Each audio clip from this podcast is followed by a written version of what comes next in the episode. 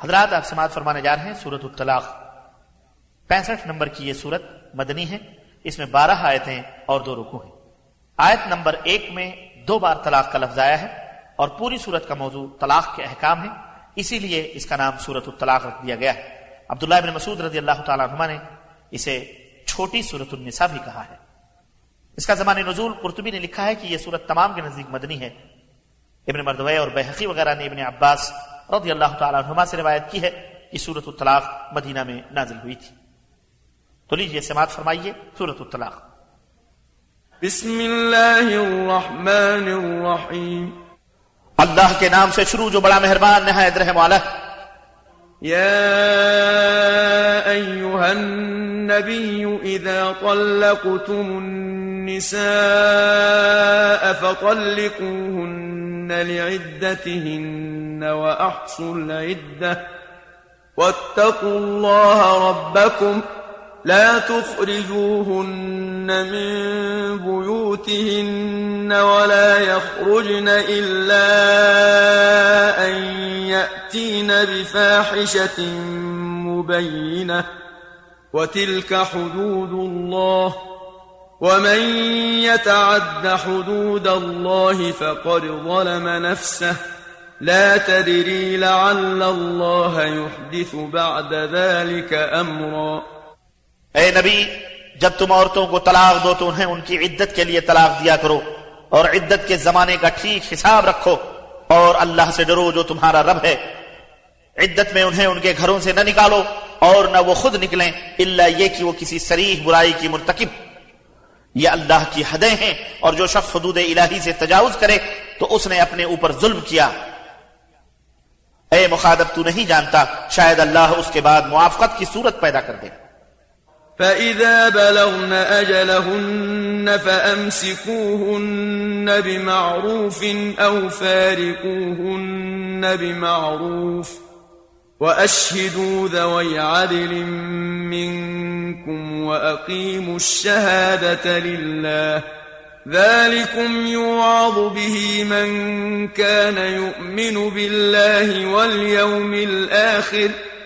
ومن يتق الله يجعل له مخرجا.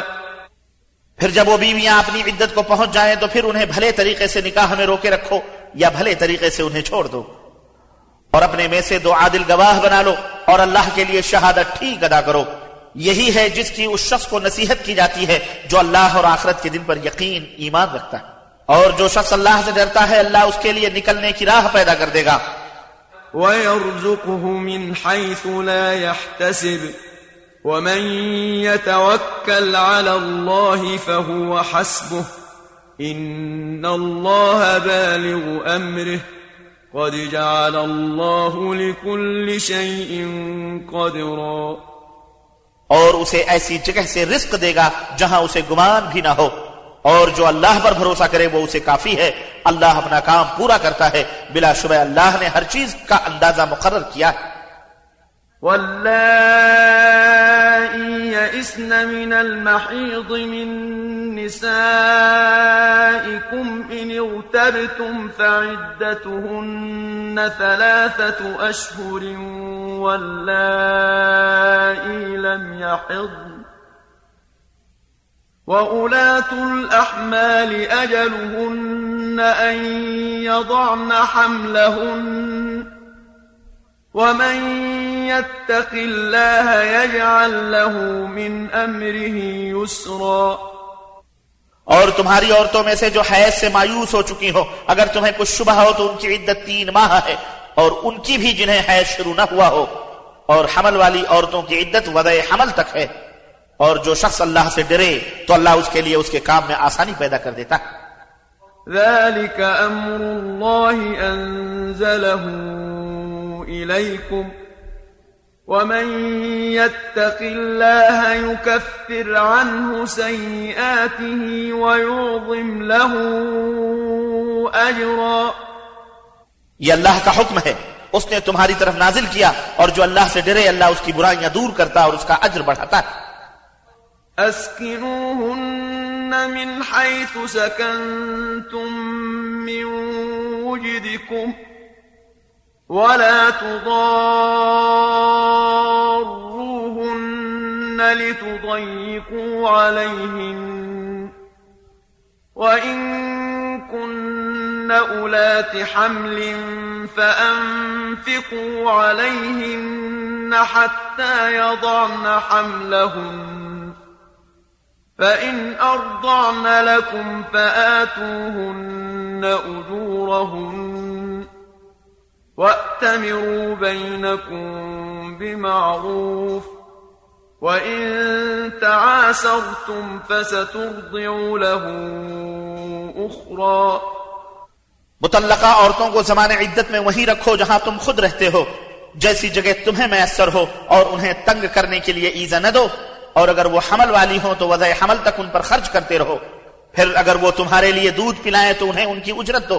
اور باہمی مشورے سے بھلے طریقے سے اجرت طے کر لو۔ اور اگر تم نے ایک دوسرے کو تنگ کیا تو کوئی دوسری دودھ پلائے گی۔ لينفق ذو سعة من سعته ومن قدر عليه رزقه فلينفق مما آتاه الله. لا يكلف الله نفسا إلا ما آتاها. سيجعل الله بعد عسر يسرا. خوشحال آدمی کو چاہیے کہ وہ اپنی حیثیت کے مطابق نفقہ دے اور تنگ دست اپنی وسعت کے مطابق خرچ دے گا۔ اللہ تعالیٰ اسی کے مطابق تکلیف دیتا ہے جو اس نے دیا ہے۔ اللہ جلد ہی تنگی کے بعد آسانی کر دے گا۔ وكأين قرية عتت عن أمر ربها ورسله فحاسبناها حسابا شديدا. فحاسبناها حسابا شديدا وعذبناها عذابا نكرا. اور کتنی ہی بستیاں ہیں جنہوں نے اپنے رب اور اس کے رسول کے حکم سے سرتابی کی تو ہم نے ان کا شدید محاسبہ کیا اور انہیں بری طرح سزا دی۔ فذاقت وبال أمرها وكان عاقبة أمرها خسرا۔ چنانچہ انہوں نے اپنے کیے کا وبال چکھ لیا اور ان کے کام کا انجام خسارہ ہی تھا۔ أعد الله لهم عذابا شديدا فاتقوا الله يا أولي الألباب الذين آمنوا قد أنزل الله إليكم ذكرا. اللہ تعالیٰ نے ان کے لیے سخت عذاب تیار کر رکھا ہے۔ بس تم اللہ سے ڈرتے رہو، اے عقل والو، جو ایمان لا چکے ہو بلا شبہ، اللہ نے تمہاری طرف ذکر نازل کیا ہے۔ رسولا يتلو عليكم آيات الله مبينات ليخرج الذين آمنوا وعملوا الصالحات من الظلمات إلى النور. ومن يؤمن بالله ويعمل صالحا يدخله جنات تجري من تحتها الأنهار خالدين فيها أبدا. قد أحسن الله له رزقا. ایک ایسا رسول جو تمہیں اللہ کی واضح آیات پڑھ کر سناتا ہے، تاکہ ایمان لانے والوں اور نیک عمل کرنے والوں کو تاریکیوں سے نکال کر روشنی کی طرف لائے۔ اور جو شخص اللہ پر ایمان لائے اور عمل صالح کرے، اللہ اسے ایسی جنتوں میں داخل کرے گا جن کے نیچے نہریں بہ رہی ہیں۔ یہ ان میں ہمیشہ ہمیش رہیں گے۔ اللہ تعالیٰ نے ایسے شخص کے لیے بہت اچھا رزق رکھا ہے۔